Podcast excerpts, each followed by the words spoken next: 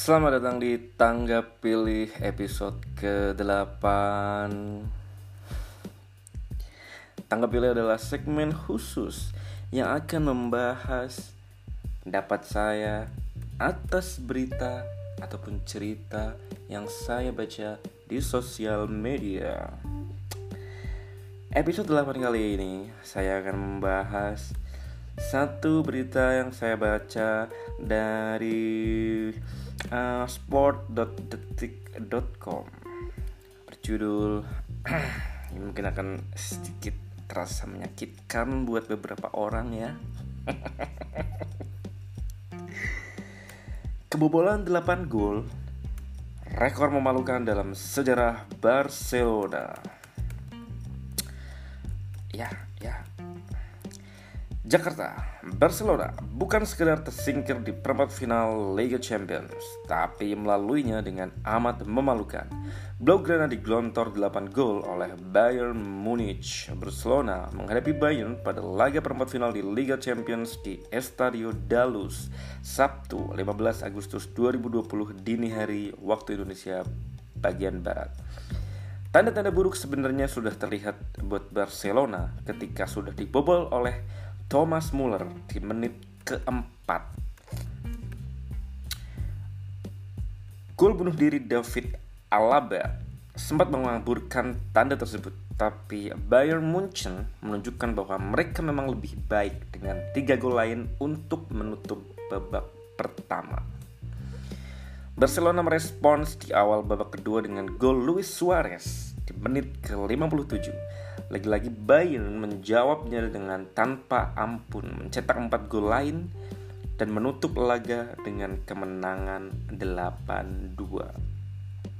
Sebagai informasi, kebobolan 8 gol adalah sesuatu yang sangat jarang dialami Barcelona. Terakhir kali mereka kalah dengan kemasukan 8 gol adalah saat takluk 0-8 dari Sevilla di babak 16 besar Copa del Rey pada 1946.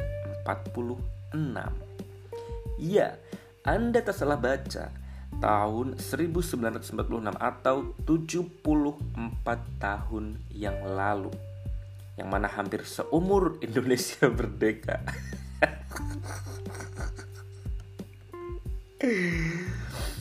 Bahkan Kebobolan 7 gol saja sudah menjadi pengalaman yang sekian lama tak dirasakan Barcelona. Opta mencatat terakhir kali Barca kemasukan 7 gol adalah saat kalah 4-7 dari Valencia pada Oktober 1949 silam. Di Liga Champions ini adalah kali ketiga Barcelona kemasukan 5 gol atau lebih dalam satu laga. Los Cules kalah 2-6 dari Valencia di Fairs Cup tahun 1962 dan kalah 4-5 dari Levski Sofia di Piala UEFA 1976. Uh, udah, oh ya beritanya udah nih.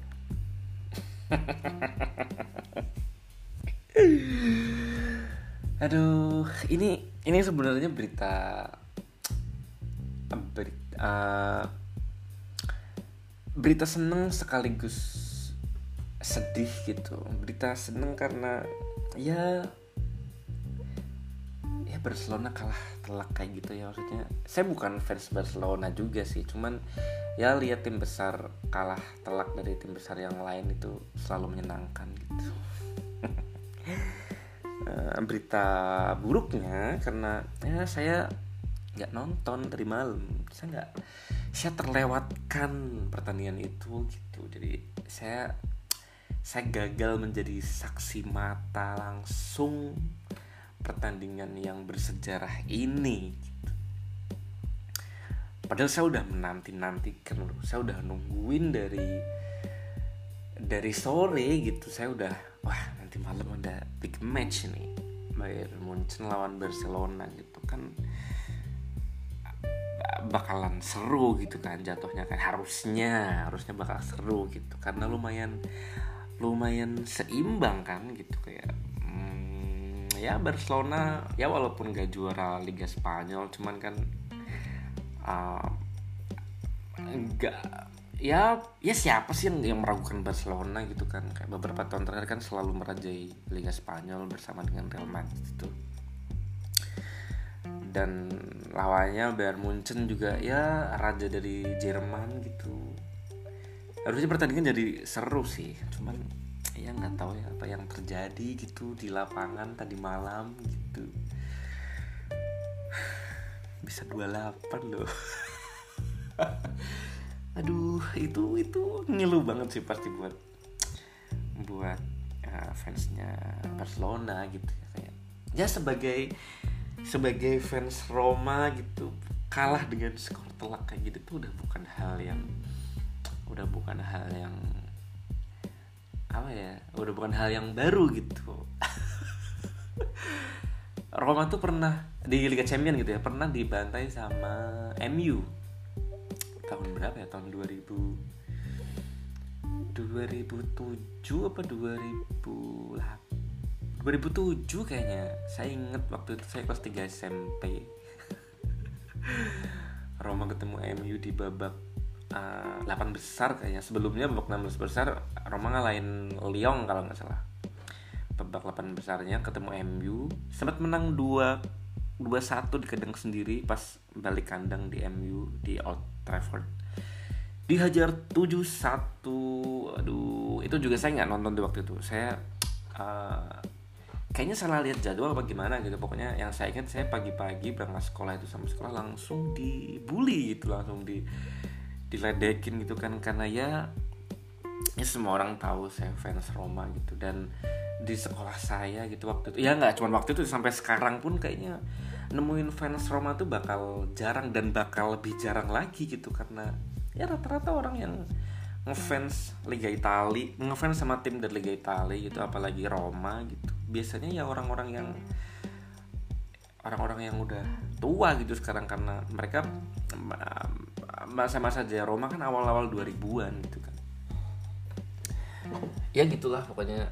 Ya waktu itu ya jadi jadi pengalaman aja gitu ya kayak wah kalah 7-1 gitu. Itu kayak malu-maluin banget gitu. Ya gak sih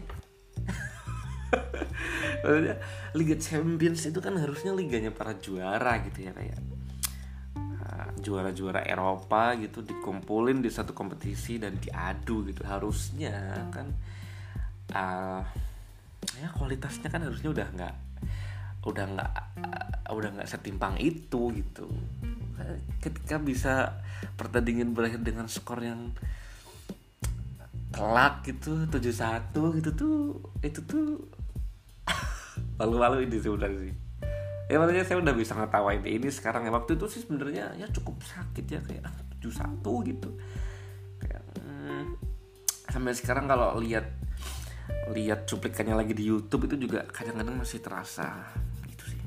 Sayatan sayatannya tuh luka-luka luka sayatannya tuh masih masih kerasa gitu cuman ya udah lah ya karena ya setelah itu juga Roma sempat dibantai juga sama sama Bayern Munchen juga di tahun berapa ya? 2000 2010-an apa 2012 gitu. Lupa pokoknya kalah 7-1 juga sama Bayern Munchen. Sama Barcelona pernah kalah Barcelona mungkin pak kalah 4-1 tapi waktu itu ah, tahun kemarin doang sih tahun 2018 kalah 4-1 di kandang mereka tapi akhirnya di comeback. Di kandang sendiri jadi 3-0 dan Roma berhasil melaju ke semifinal waktu itu. Jadi ya lumayan lumayan lumayan terkaburkan lah walaupun kalahnya lumayan telak 4-1 cuman akhirnya kan pas balik kandang dibalik itu 3-0 gitu ya balik lagi ke hasil ini ya Barcelona gitu. Ya ampun. Saya tuh ya ya gimana ya? Cukup sedih sih nggak nonton sih kayak saya tuh bahkan masih melek sampai jam 2 sampai jam 2 malam itu saya masih melek itu karena ya anak-anak saya ternyata mereka kan kemarin tidur agak sore gitu ya. Sore itu udah udah pada tidur terus tengah malam itu pada bangun gitu. Jadi saya masih sampai jam 2 itu masih melek gitu, temenin mereka gitu. Mulai jam jam jam 2 itu anak saya udah mulai tidur tuh. Nah gobloknya saya juga ke bawah tidur akhirnya ketiduran. Bangun udah jam 5 langsung saya langsung ngeceknya live score dong kayak. Eh saya bangun kan jam 5 gitu nyalain TV udah jelas udah selesai dong pertandingannya gitu. Langsung nyalain live score uh, bahkan saya buka live score gitu. Skornya itu itu pada awalnya sempet sekian sepersekian detik lah. Skornya itu ketutup sama jempol saya gitu. Jadi saya bukan pakai handphone gitu ya. Uh, handphone jempol saya tuh nutupin layar di bagian skornya tuh. Jadi uh, Barcelona Bayern Munchen saya udah tahu Barcelona nyetak dua gol tapi skornya Barcelona eh, skornya Bayern Munchen itu ketutup sama jempol saya gitu. Pas jempol saya saya geser kok angka 8 ini angka apa? Gitu. Kayak saya bahkan sempat sempat berpikir ini ini apa sih? Kok 28 skornya? Ini ini ini bener apa gimana? Apa error? Saya sempat refresh dulu itunya. Live score-nya saya refresh loh. Saya refresh kok masih 28 barulah akhirnya saya klik Discord itu akhirnya muncul detail pertandingannya kan. Dan ternyata memang memang se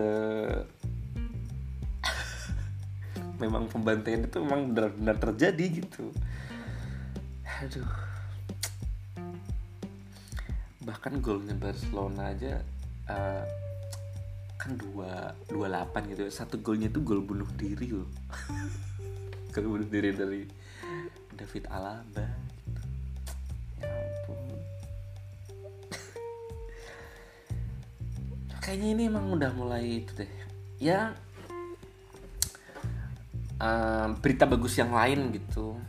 Selain ya melihat raksasa Eropa dipermalukan itu kan selalu menyenangkan ya. Semua orang selain fans Barca pasti seneng sih dengan berita ini gitu terutama fansnya Madrid dan fansnya Cristiano Ronaldo pasti lagi happy banget sih sekarang. Berita bagus yang lainnya gitu kan uh, ya berarti kita kita harus eh bukan harus kita kita sudah mulai menyambut era era sepak bola yang baru gitu yang ya 10 tahun lebih terakhir ke belakang itu kan uh, ya rivalitas dalam sepak bola kan selalu didominasi sama Ronaldo dan Messi gitu ya kayak apalagi waktu mereka masih eh waktu Ronaldo masih di Madrid gitu kan kayak iya kerasa banget aja gitu. Uh, eh bahkan uh, saya tadi baca satu komen di Instagram gitu ini adalah kali pertama semifinal Liga Champions yang tidak dihadiri oleh salah satu dari Cristiano Ronaldo ataupun Lionel Messi. Ini semifinal pertama tanpa mereka yang terjadi sejak tahun 2005 Jadi udah sekitar 15 tahun gitu. 15 tahun terakhir tuh semifinal Liga Champions selalu minimal ada salah satu dari mereka gitu. Kalau nggak ada Lionel Messi ya pasti ada Ronaldo gitu. Tapi tahun ini adalah tahun pertama semifinal Liga Champions tanpa mereka itu ini ini berarti salah satu tanda bahwa ya hmm, masa kejayaan mereka sudah mulai habis ya nggak ya ya memang ya kita nggak bisa menolak fakta bahwa mereka setiap tahun akan semakin tua gitu dan semakin tua seseorang tentunya akan um, berpengaruh pada performa mereka, pada fisik mereka, kemampuannya mungkin udah nggak se nggak sehebat dulu waktu masih di masa-masa jayanya gitu di puncak karirnya gitu kan pemain sepak bola kan uh, bisa dibilang puncak karirnya kan di bukan puncak karir ya puncak performa gitu. Puncak performanya itu kan umumnya di umur uh, 26 25 sampai 30 lah. 25 sampai 30 itu itu puncak puncak puncak performa gitu. Di umur mulai 30 ke atas itu tuh rata-rata performanya pasti udah mulai trennya tuh menurun gitu. Dan ya Ronaldo kan sekarang udah berapa Ronaldo ya 34 apa ya? 34 apa 35 ya. Pokoknya udah udah lebih dari 30 tigaan lah. Messi juga kan udah mulai udah mulai ya segituan sama gitu.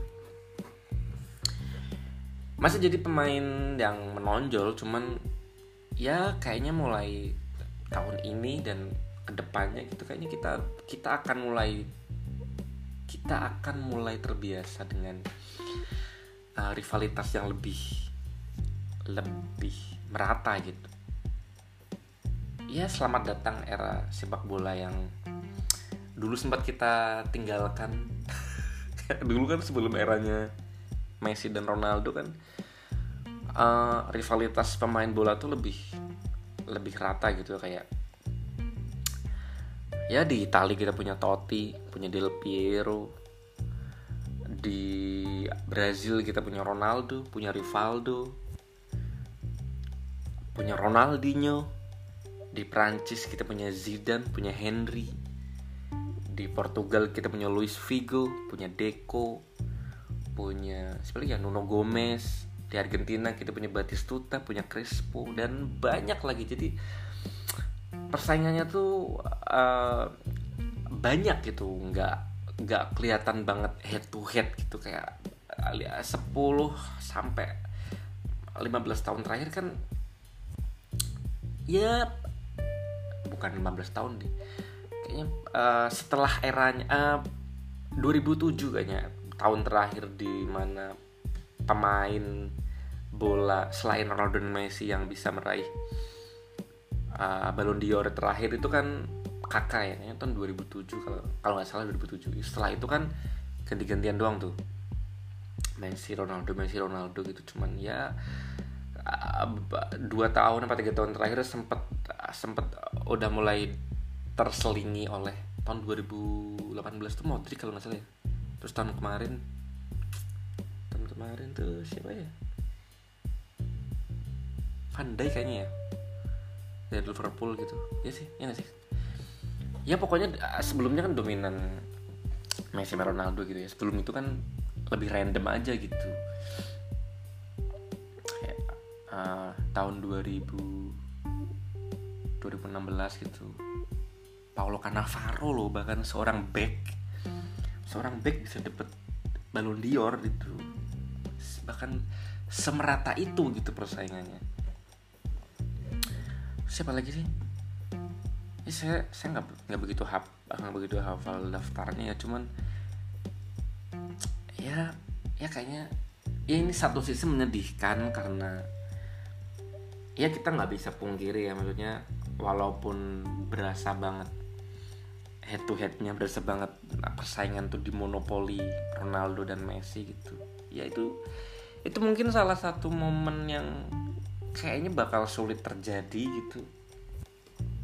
Di masa mendatang uh, ya generasi sekarang mungkin bakal ya bersyukur lah ya pernah hidup di masa kayak di masa lalu kan uh, ada persaingan antara Pele sama Maradona gitu yang ya semua orang orang-orang tua mungkin bisa menceritakan dengan detail gimana hebatnya Pele dan Maradona. Cuman kayak generasi saya dan generasi uh, ya orang-orang yang menikmati sepak bola di awal 2000-an sampai sekarang gitu kayak nggak pernah bisa bener-bener tahu gitu kayak sehebat apa sih Maradona gitu.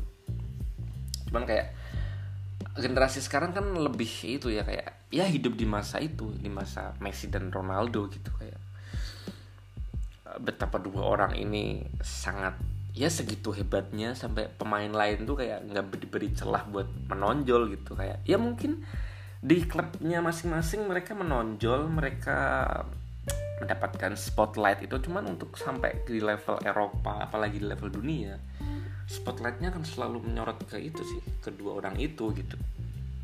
Nah satu sisi kita kita mungkin akan sedih karena dua orang ini mungkin udah mulai kendor gitu ya. Tapi ya kita harus mulai kita juga kita juga bisa bersyukur karena sepak bola mungkin akan lebih akan lebih menyenangkan akan lebih penuh dengan kejutan di masa depan gitu. Karena ya kayaknya momen-momen seperti ini gitu rivalitas dua orang yang berlangsung bertahun-tahun seperti Messi dan Ronaldo akan sulit untuk terjadi lagi di masa yang akan datang gitu. Kayak kayak sekarang kan udah mulai kecium ya bakat-bakat apa namanya wonderkid wonderkidnya gitu udah mulai udah mulai nongol kan. Kayak di Prancis ada Kylian Mbappe uh, di Brasil kita punya Neymar yang ya sebenarnya nggak muda-muda amat cuman kayaknya ini mungkin waktu yang tepat gitu. Kayak Neymar uh,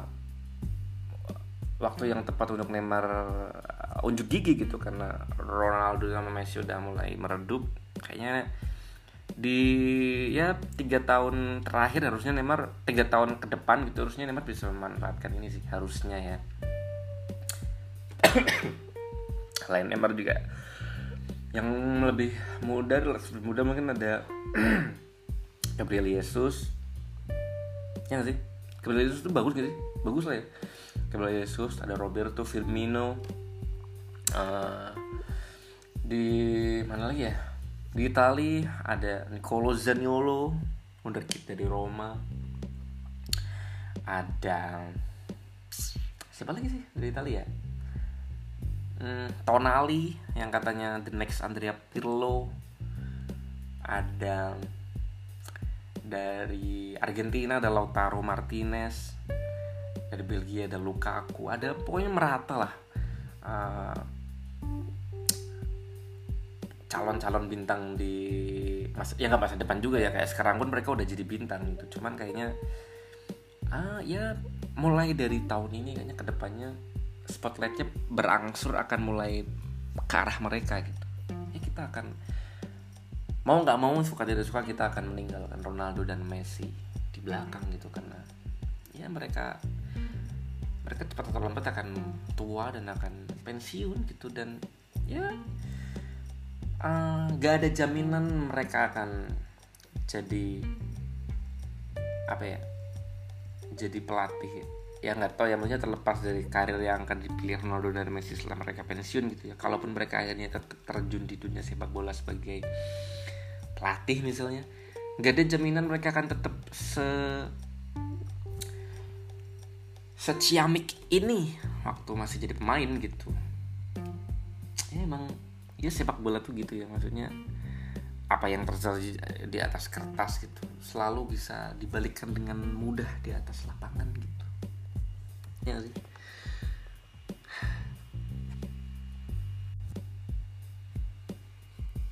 Yuk gitu aja kali ya. Uh, selamat buat Bayern Munchen. Udah maju ke semifinal Liga Champions tahun ini. Kayaknya lawannya mereka hmm, udah ketemu sih ya. Semifinal yang pertama kan uh, kayaknya juga ada kejutan nih. Ada Leipzig yang untuk kali pertama lolos ke semifinal Liga Champions. Bahkan uh, Leipzig ini bahkan lebih lebih fenomenal lagi karena mereka adalah tim yang relatif muda gitu. Mereka baru didirikan tahun 2009 loh. Mereka baru berdiri tahun 2009 dan sekarang di tahun 2020 berarti ya sekitar 11 tahun setelah mereka berdiri gitu mereka bisa tembus semifinal Liga Champions gitu. Dan yang cukup uh, kerennya lagi uh, yang uh, gimana sih ngomongnya? Kerennya Leipzig ini mereka mereka mereka bahkan nggak diisi pemain-pemain yang yang wah gitu bintang mereka kan ada Timo Werner itu bahkan kemarin kayaknya pertandingan kemarin waktu lawan uh, mana sih kemarin ngalahin mana sih? Leipzig tuh? Ngalahin Atletico. Waktu lawan Atletico tuh Werner tuh udah nggak main itu. Kayaknya karena udah pindah ke Chelsea deh. Dan mereka masih bisa ngalahin Atletico loh. Dan ini juga jadi fakta yang menarik itu. Leipzig itu satu-satunya uh, tim yang bisa ngalahin Atletico sejak tahun berapa gitu saya lupa. Yang bisa ngalahin ngalahin Atletico Madrid uh, tanpa Cristiano Ronaldo gitu. Jadi kayak di tahun-tahun kemarin gitu Atletico tuh biasanya cuman uh, kalah gitu cuman gugur di fase knockout dari Liga Champions itu oleh tim yang di dalamnya ada Cristiano Ronaldo gitu. Nah kemarin tuh Atletico akhirnya tumbang oleh Leipzig. Leipzig ini juga ya selain tim baru juga ya pemainnya rata-rata nggak ada yang terkenal gitu. Tapi ya gitu lagi-lagi lagi-lagi kejutan di dalam pertandingan sepak bola gitu ya. Mereka bisa melaju ke semifinal itu. Mereka akan bertemu dengan PSG uh, ah, saya sih berharap Leipzig menang gitu ya kayak ya saya selalu suka dengan kejutan dalam sepak bola gitu ya. Selama itu tidak melibatkan Roma. Kayaknya Leipzig menawan PSG terus di final ketemu Munchen mungkin. Munchen sih nggak tahu ini bakal ketemu siapa di semifinal gitu. Saya, saya lupa gitu. Nggak tahu udah udah ada udah ada keputusannya apa belum gitu. Tapi kayaknya Munchen sih yang baru sampai final sih. Kayaknya finalnya Munchen sama Leipzig sih dan mudah-mudahan Leipzig yang menang biar seru aja gitu oke makasih yang udah dengerin Uh, sampai jumpa di podcast apa gitu. Eh, sampai jumpa di tangga pilih episode selanjutnya.